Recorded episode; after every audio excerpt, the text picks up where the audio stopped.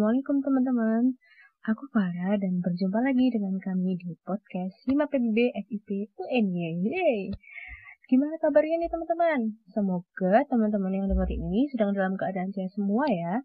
Hmm, langsung aja, di kesempatan kali ini kami mau bahas yang lagi hits dan heboh nih seantero dunia. The one and only virus corona atau COVID-19. Beberapa menit ke depan kita akan ngobrol-ngobrol bermanfaat nih Obrolannya bertema loh teman-teman. Temanya yaitu menjaga kesehatan mental di tengah wabah COVID-19.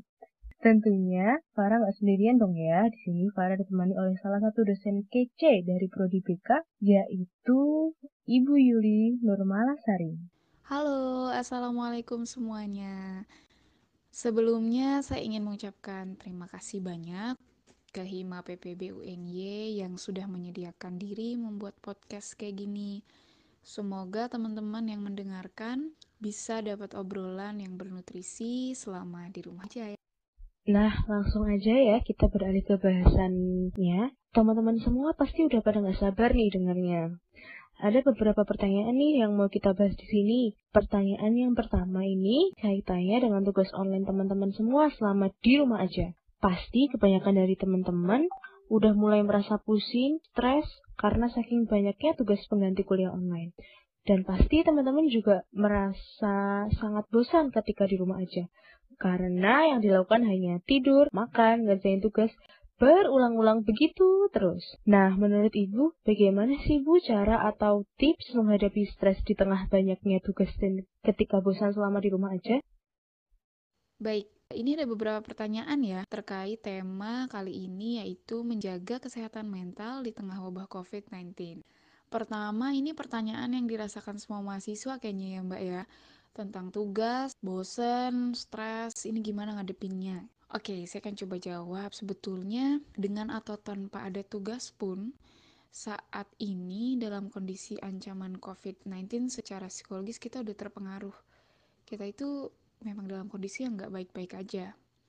Tapi yang harus dipahami terlebih dahulu adalah stres karena tugas numpuk itu terjadi karena adanya gap ekspektasi. Jadi ada ada perbedaan gitu antara kayak kenyataan yang terjadi itu nggak sesuai sama harapannya.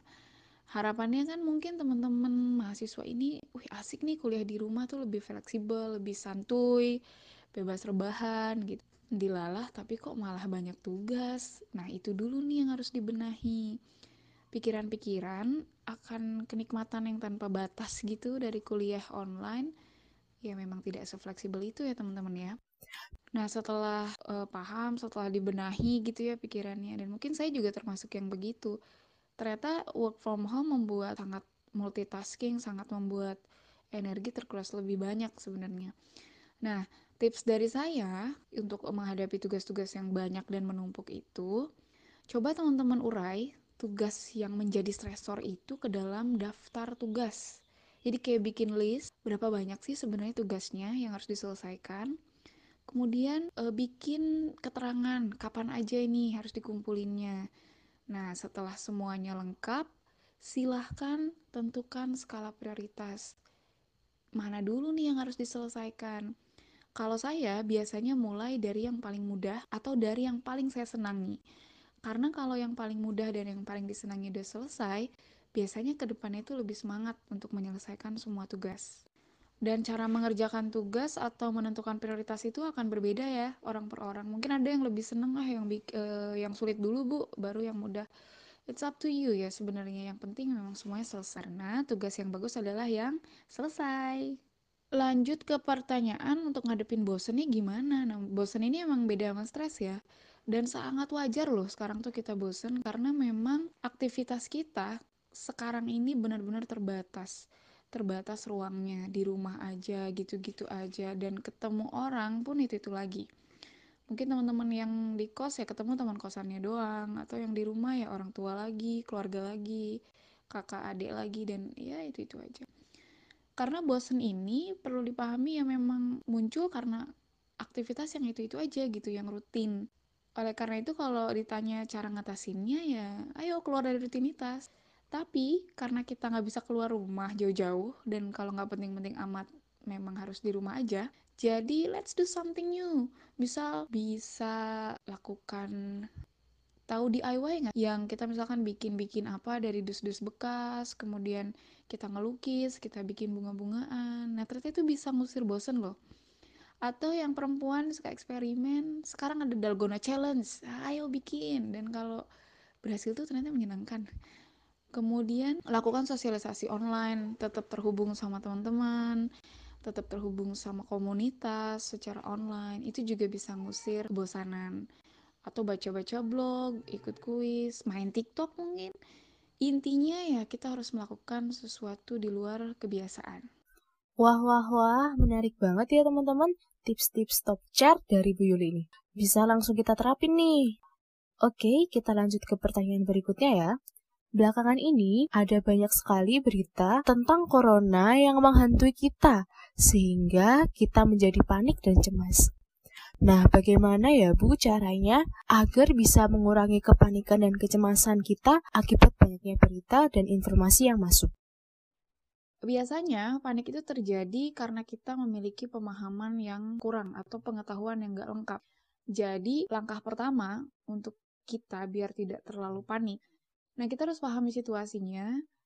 Corona itu apa sih? Kemudian penyebarannya gimana? Terus apa yang bisa kita lakukan untuk mencegahnya? Dan pastikan pengetahuan-pengetahuan tentang corona ini memang dari sumber-sumber yang valid.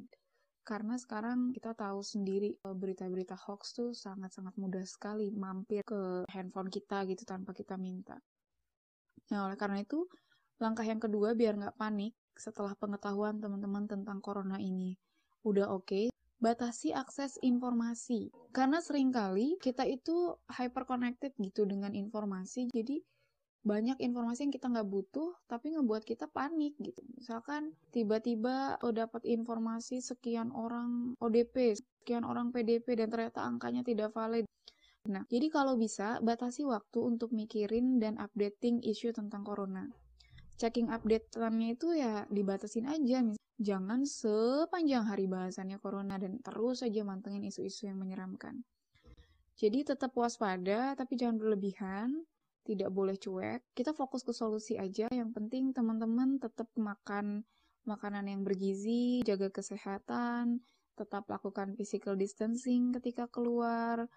Eh, jangan lupa maskernya dipakai, apalagi kalau sedang sakit dan ya pastikan tetap uh, olahraga tetap berjemur gitu pagi-pagi itu direkomendasikan WHO ya bisa meningkatkan sistem imun.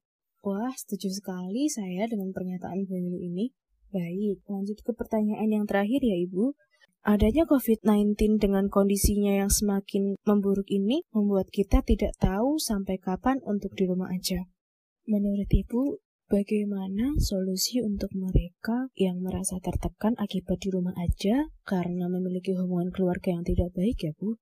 Hmm, ini pertanyaan yang cukup kompleks. Apa yang harus dilakukan? Bagaimana cara mengatasi stres? Mungkin kalau tadi tugas ini karena di rumah keluarga tidak rukun, orang tua berantem terus.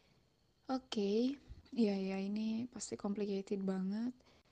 Siapa pun kamu yang sedang mengalaminya, Semoga tetap kuat menjalani situasi ini. Pasti berat dan tidak mudah jadi kamu dalam situasi sekarang ini. Semoga ini bisa membantu, semoga ini bisa sedikit memberikan titik terang. Pertama kali yang ingin saya sampaikan adalah berkompromilah. Situasi ini memang tidak seperti harapanmu, harapan kita. Orang tua akan tetap seperti itu, mereka berantem, mereka adu argumen, dan kita sebagai anak memang akan sulit untuk mengubah mereka akan sulit untuk mengintervensi pemikiran-pemikiran mereka. Karena saya tahu itu rasanya mungkin akan sangat melelahkan memikirkan itu tertekan sekali pasti. Jadi daripada berlelah-lelah capek-capek menginginkan mereka berubah menginginkan mereka mengerti kita mending sekarang kita fokus aja ke hal-hal yang memang bisa kita ubah hal-hal yang bisa kita kontrol. Apa bu yang bisa kita kontrol? Yaitu pikiran dan perasaan kita sendiri Mungkin ini akan sedikit egois, tapi tidak apa-apa. Karena yang terpenting adalah kitanya kuat dulu, kitanya nerima dulu. Lakukan hal-hal yang bisa membuat kamu nyaman, di kamar misalnya, atau di ruangan yang membuat kamu bisa sedikit terpisah dari tempat orang tua bertengkar atau dari tempat yang pemandangannya kurang enak untuk dilihat sibukkan dengan stay connected dengan teman-teman bersosial media itu nggak apa-apa kemudian nulis kalau memang kamu suka nulis. Dan ternyata memang nulis tuh bisa menjadi salah satu teknik grounding kita mengeluarkan unek-unek tanpa judgement ya. Kadang kalau kita cerita ke orang kan kita dapat judgement kita dapat respon yang gak sesuai harapan. Tapi kalau nulis ternyata kita bisa memuntahkan semuanya tanpa respon yang kurang enakin. Selain itu mungkin kamu bisa baca hal-hal yang relate tapi nyenengin atau mungkin kamu bisa cuman diem membiarkan semuanya ngeflow gitu aja sekedar menangis menumpahkan emosi. Kalau memang kamu butuh temen silahkan telepon temennya.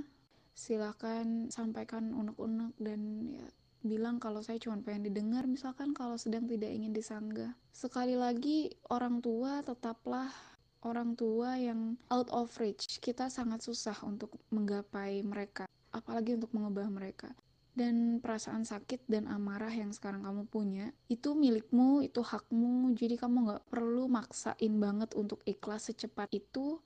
Untuk sabar selalu sabar itu tidak perlu. Yang penting sekarang adalah gimana sih caranya kamu nyaman dulu?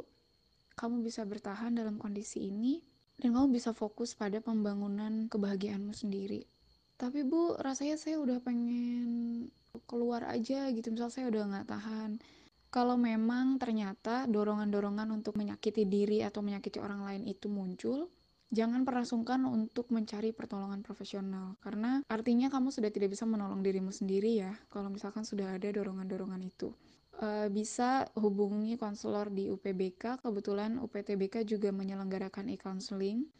Atau kalau misalkan ada alternatif lain boleh untuk meminta pertolongan e-counseling e-counseling yang lain so far mungkin itu yang bisa saya sampaikan yang pasti tetap jaga kesehatan tetap terkoneksi dengan teman-teman, tetap terkoneksi dengan orang-orang yang kamu anggap itu orang-orang yang memang kamu sayang dan peduli sama kamu. Baik, nggak kerasa sepertinya kita sudah berada di penghujung podcast kita ya Bu.